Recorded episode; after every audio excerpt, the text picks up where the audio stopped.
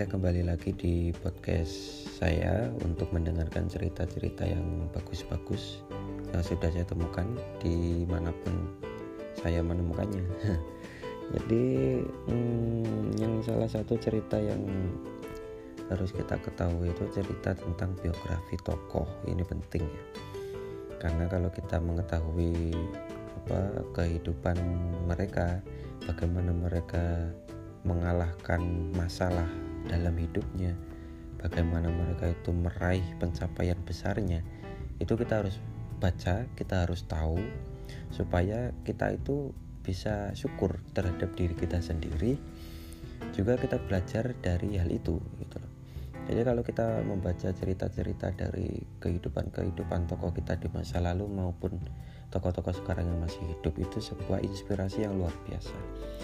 Nah, pada kesempatan kali ini aku ingin bercerita tentang tokoh yang luar biasa yang juga menjadi salah satu tokoh yang inspiratif bagi saya yaitu Thomas Alva Edison.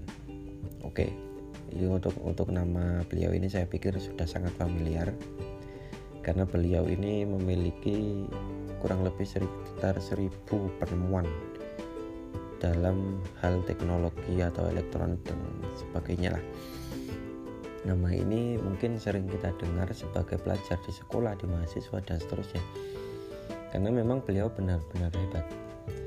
Thomas Alva Edison lahir 11 Februari tahun 1847 di Ohio, Amerika Serikat. Jadi seorang anak yang pada waktu itu memiliki sebuah kalau Stephen Hawking bilang curiosity sebuah rasa penasaran yang amat tinggi terhadap apa pun yang dia lihat. Ini yang sering disalahpahami oleh orang tua oleh kita sendiri bahkan bahwa anak itu jenius sejak kecil. Itu bisa kita lihat dari rasa penasarannya ini perlu diperhatikan buat kalian terutama kalian yang nanti jadi ibu diperhatikan. Kalau ada anak kok sering tanya? Kok sering bawa benda-benda aneh ke rumah? Itu justru tanda bahwa dia jenius. Nah sering kali kita itu jengkel gitu kan ditanya yang anak kecil kok matahari kok di sana? Kok daun kok warnanya hijau? Kok awan kok kayak gitu? Itu kita jawab kayak gimana tuh dia kan tanya terus gitu kan kadang gitu gitu jengkel gitu kan. Nah itu yang terjadi di Edison. Edison kecil ini menanyakan segala hal bahkan sampai Tuhan pun dia tanya gitu. Tuhan itu ada di mana? Dia lagi ngapain? Dia seperti apa? Terus dan seterusnya dan seterusnya. Itu kalau orang tua itu gak memiliki kesabaran dan intelektualitas yang mapan jelas anaknya ini akan dibentak eh kamu ini banyak tanya diam sana. Nah, itu justru mematikan kreativitas anak itu sendiri dan akan membuat dia gagal menjadi orang besar. Nah Edison ini ini yang menarik dan ingin saya sampaikan adalah Edison ini lahir di lingkungan antara keduanya. Ketika dia sekolah jadi anu ya pada masa kecilnya itu dia tinggalnya di kota Milan. Kota Milan ini ya begitu dia itu sering tanya ke orang-orang sering tanya ke guru-gurunya dan seterusnya. Dan atas pertanyaan dia yang sedetail itu dia dianggap sebagai orang yang menjengkelkan. Orang yang banyak tanya orang yang ah pokoknya ah jengkelin banget lah ini. Ini anak ini wah ini diusir aja lah kan gitu. Bahkan ketika uh, Edison ini sekolah ya masih sekolah dasar dia secara tidak sengaja bikin gurunya itu jengkel. Jadi ceritanya gurunya ini ngajarin tentang matematika satu tambah satu sama dengan dua kan seperti itu kan Nah, Edison ini sejak kecil sudah punya pikiran yang kritis. Ah, masa sih kan gitu kan. Akhirnya pertemuan selanjutnya dia bawa eh, segenggam tanah liat dan dibawa ke meja gurunya. Maaf pak, saya gak setuju dengan satu tambah satu sama dengan dua. Soalnya yang saya temukan satu tambah satu itu satu. Gitu kan. Oh gurunya kaget. Tuh, kamu ini gimana? Dari mana kamu bisa ngawur seperti itu? Akhirnya tanah liat lagi di tanah liat tadi dibikin kayak sebuah bola dua jadi dua Edison bilang ini satu ini satu terus tanah liat lagi disatukan Jelek. nah jadi gini pak satu tambah satu hasilnya satu kan menyatu gitu kan nah dari sini gurunya jengkel bahkan minta ibunya untuk mendidiknya di rumah. Pada intinya sekolahnya udah udah ah sudah nyerah banget lah. Edison ini tidak punya apa ya tidak punya sikap sebagaimana murid seharusnya. Eh, seperti itu gurunya itu protes gitu. Sepertinya ada masalah di dalam kepala Edison guru-gurunya protes dan pada intinya mereka meminta ibunya yang bernama Nancy untuk memulangkannya karena gurunya udah angkat tangan betul gitu. udah udah betul. Tapi ibunya menjawab, menjawab Edison tidak punya masalah apa pun. Edison tidak bodoh. Hanya saja dia memiliki cara berpikir yang berbeda dari anak-anak lain nah ini sebab ibunya Edison selamat karena seandainya jika ibunya ini juga berpikiran sebagaimana guru-gurunya maka Edison ini tidak akan pernah besar menjadi ilmuwan hebat. Tetapi ibunya Nancy akhirnya membawa Edison pulang dan mengajarinya sendiri di rumah. Karena menurut Nancy, menurut ibunya, Edison ini adalah anak yang istimewa. Ini perlu diperhatikan karena sekali lagi saya sering bilang setiap manusia dilahirkan jenius. Hanya sering kali lingkungan itu membunuh kejeniusan itu tadi. Dan memang faktanya seperti itu kan. Jadi ada anak suka ngelukis, lukisannya suka gitu bagus kan. Dia memang suka ngelukis dan akhirnya lukisannya bagus. Tetapi karena nilai matematikanya jelek di sekolah, dia justru dikasih les matematika bukan dikasih les melukis ini yang salah di kita gitu kita menganggap bahwa gak bisa matematika itu pada akhirnya nanti kita jadi orang gagal kita harus bisa semua mata pelajaran kita harus berhasil di sini berhasil di sana. Padahal kalau seandainya bakat terpendam kita itu kita asah. Keanehan keanehan dari anak-anak kecil itu kita olah sebagaimana mestinya. Mereka akan tumbuh dengan membawa sesuatu yang luar biasa dan ini terjadi pada kehidupan Edison. Kok untungnya ibunya itu sabar ibunya itu paham bahwa anaknya ini luar biasa jadi sejak itu Edison keluar dari sekolah dan di rumah Nancy mengajarinya secara atau tidak secara sabar dan penuh kasih sayang. Bahkan ibunya ini memberikan buku-buku yang ya semampunya orang pada waktu itu ya karena ibunya ini bukan orang kaya juga tapi ya orang ya kalau kita bilang orang yang mampu gitu aja lah. Ibunya memberikan buku-buku kalau ada pertanyaan ibunya cukup jawab. Itu jawabannya ada di buku coba kamu baca gitu kan seperti itu. Nah berkat ketelatenan ibunya juga Edison dibuatkan sebuah laboratorium mini. Jadi dari buku-buku yang dibelikan ibunya terutama buku-buku sains yang menjadi favoritnya Edison ini ada semacam keinginan bagi Edison kecil untuk melakukan eksperimen. Nah, oleh ibunya ini difasilitasi. Nah, ini ada anak suka ngelukis tadi. Kita sebagai orang tua, kita sebagai teman, kita sebagai keluarga itu harusnya justru memberi fasilitas gitu loh bukan kok kita cemooh bukan kok kita harus uh, menyuruhnya mempelajari hal lain yang justru dia itu kesulitan dan seterusnya ibunya Edison ibu Nancy justru membuatkan memfasilitasi Edison untuk bereksperimen di rumahnya dengan cara membuatkannya laboratorium. Oke, paham ya? Jadi seperti itu. Dan inilah titik mula dari kehebatan Edison. Oke, sampai di sini paham ya? Ya laboratorium di sini ya nggak nggak laboratorium canggih punya oh, punya komputer punya apa enggak ini ini tahun uh, abad 19 ya masih belum ada banyak hal yang bagus-bagus ya laboratorium ini ya paling cuma berisi botol, pisau dan seterusnya seadanya lah. Tapi sebab inilah Edison ini bisa terus berkarya, terus bereksperimen, coba ini, coba ini, coba ini tanpa lelah. Dan ibunya pun terus mendukung.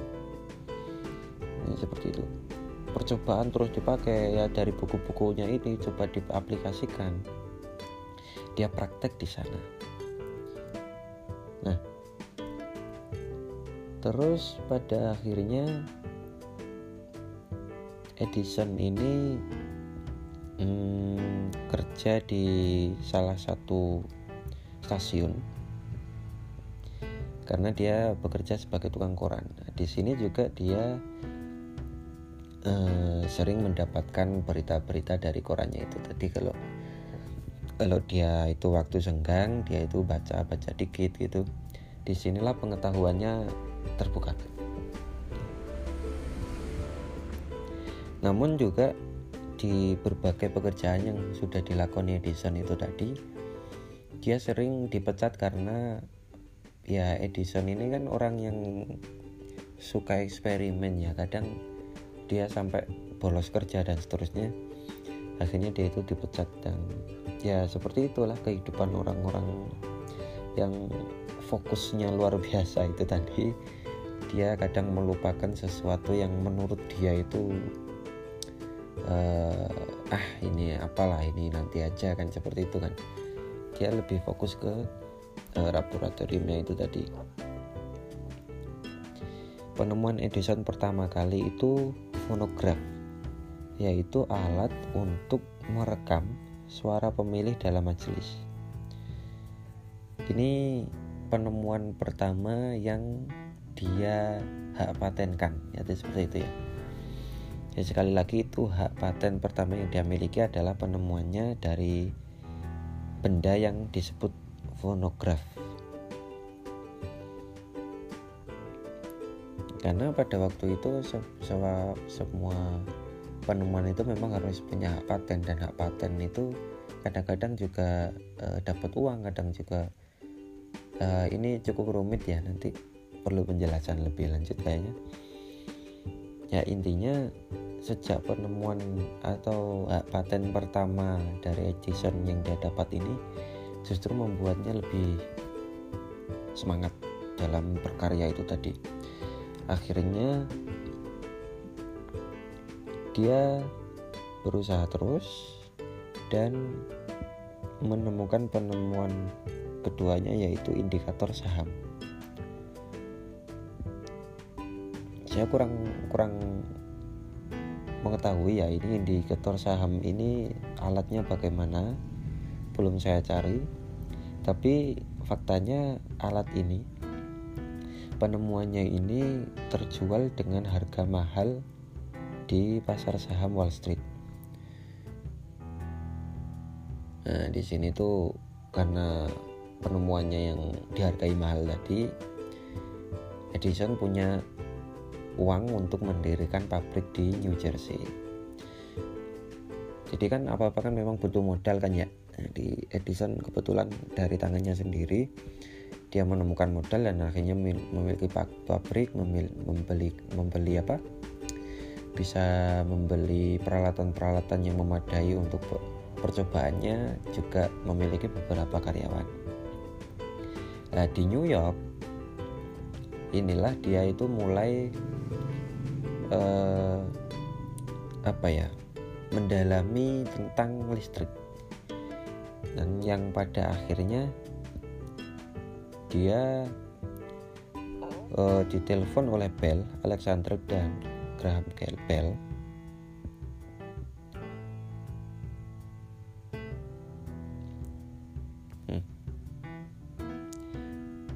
oh sorry sorry. Keliru keliru. Nah, ceritanya begini. Aduh ini ini nggak fokus ini. Bahaya ini. Nah jadi ceritanya begini. Jadi pada waktu itu di Amerika itu eh, apa ya? Hari ulang tahun Amerika ya? Ya hari ulang tahun Amerika ke 100 di Philadelphia. Ada sebuah pertunjukan penemuan telepon oleh Graham Bell nah ini baru benar ini. Yang oleh Bell ini uh luar biasa ini.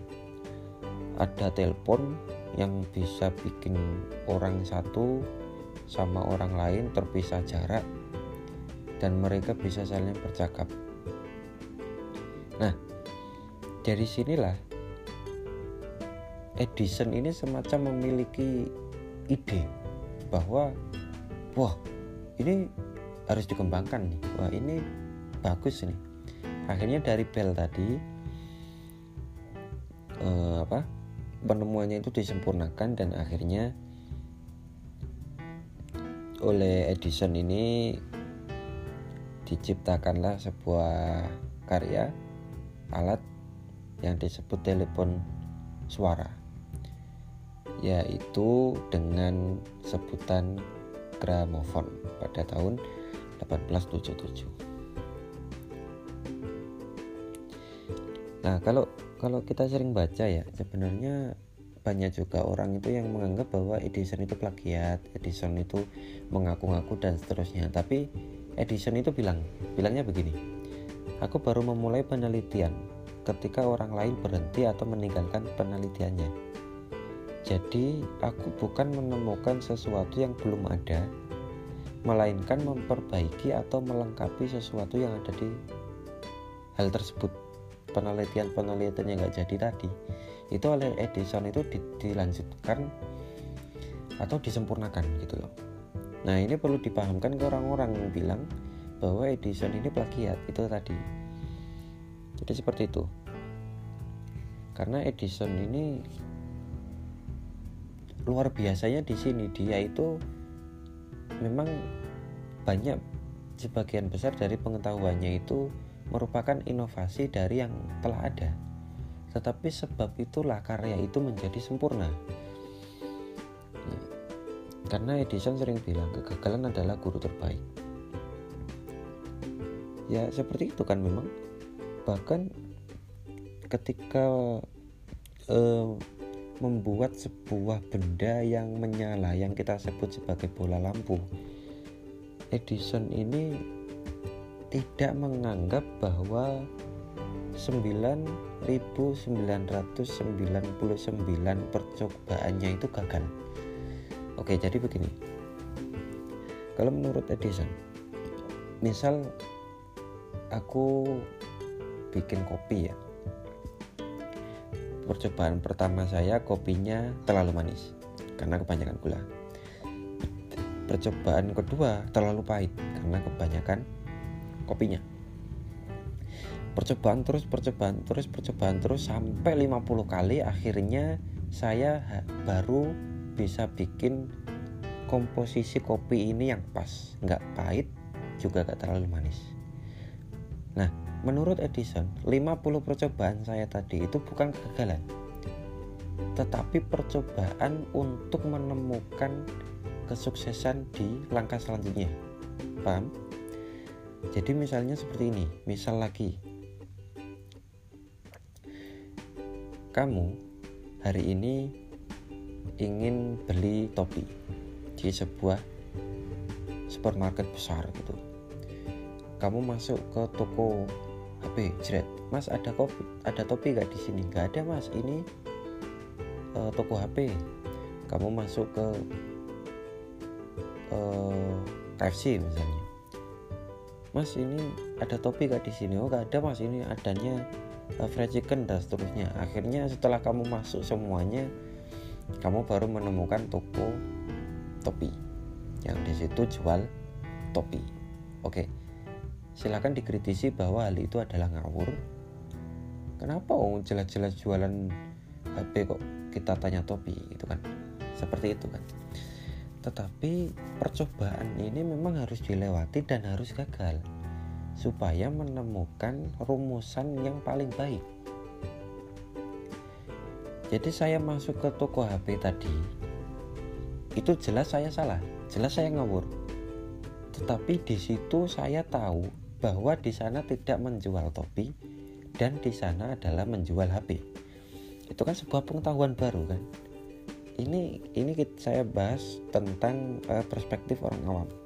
Dan Edison ini mencoba satu-satu untuk mencari ramuan mencari penemuan yang terbaik gitu loh. Jadi menurut Edison 50 percobaan saya dalam bikin kopi tadi itu bukan sebuah kegagalan percobaan pertama saya tadi saya bilang kopi saya terlalu manis. Itu adalah pengetahuan gitu loh. Oh ternyata kalau saya ngasih gulanya segini itu nanti kemanisan. Itu kan sebuah pengetahuan. Kalau kita menganggap itu kegagalan pada akhirnya kita gak akan berhasil. Karena apa? Kita terjebak di kegagalan itu tadi. Kamu bikin katakanlah kamu nulis cerpen gitu ya kamu nulis cerpen berkali-kali gak pernah masuk lomba gak pernah masuk koran dan seterusnya kalau orang ini mindsetnya keliru dia akan menganggap bahwa wah ternyata tulisan saya jelek banget ya udah saya gak mau nulis gitu kan tetapi kalau pemikirannya kita ikuti Edison ini, kita akan membuat pemikiran yang luar biasa. Oh, saya nggak terima di lomba ini ternyata begini. Oke, saya perbaiki. Kan begitu kan harusnya. Oh, tulisan saya nggak masuk ke koran karena tulisannya seperti ini. Saya harus memperbaiki. Akhirnya dia akan nulis terus. Akhirnya dia akan berusaha terus dan kegagalan-kegagalan kita yang hari ini masih kita lakukan atau di masa lalu yang menyakitkan itu pada akhirnya akan membawa kita ke sebuah berhasil keberhasilan yang luar biasa karena kita gak menyerah gitu. Nah Edison berpikir seperti itu. Ada dua hal yang perlu saya tekankan di sini. Pertama, Edison ini dididik oleh orang yang tepat yaitu ibunya. Sekali lagi, setiap anak itu terlahir jenius. Maka bagaimana anak itu menjadi tumbuh besar menjadi orang besar, menjadi orang yang hebat itu kita lihat siapa didikannya. Didikannya kayak apa, siapa yang mendidiknya itu perlu kita lihat. Ada seorang murid kok menjadi luar biasa, bisa akhirnya bisa sukses luar biasa. Kita coba tanya gurunya siapa, bagaimana dia mendidiknya kalau ada seorang anak kok bisa disiplin, bisa tanggung jawab dan seterusnya, kita lihat pola asuh dari orang tuanya seperti apa. Itu mutlak gitu loh. Itu terlalu berlaku. Bahkan kalau ada seorang anak manusia yang tidak punya guru, misal gak sekolah ya, atau gak punya orang tua, misal gak punya e, yatim piatu, gak punya rumah, pada akhirnya kita lihat di mana dia hidup.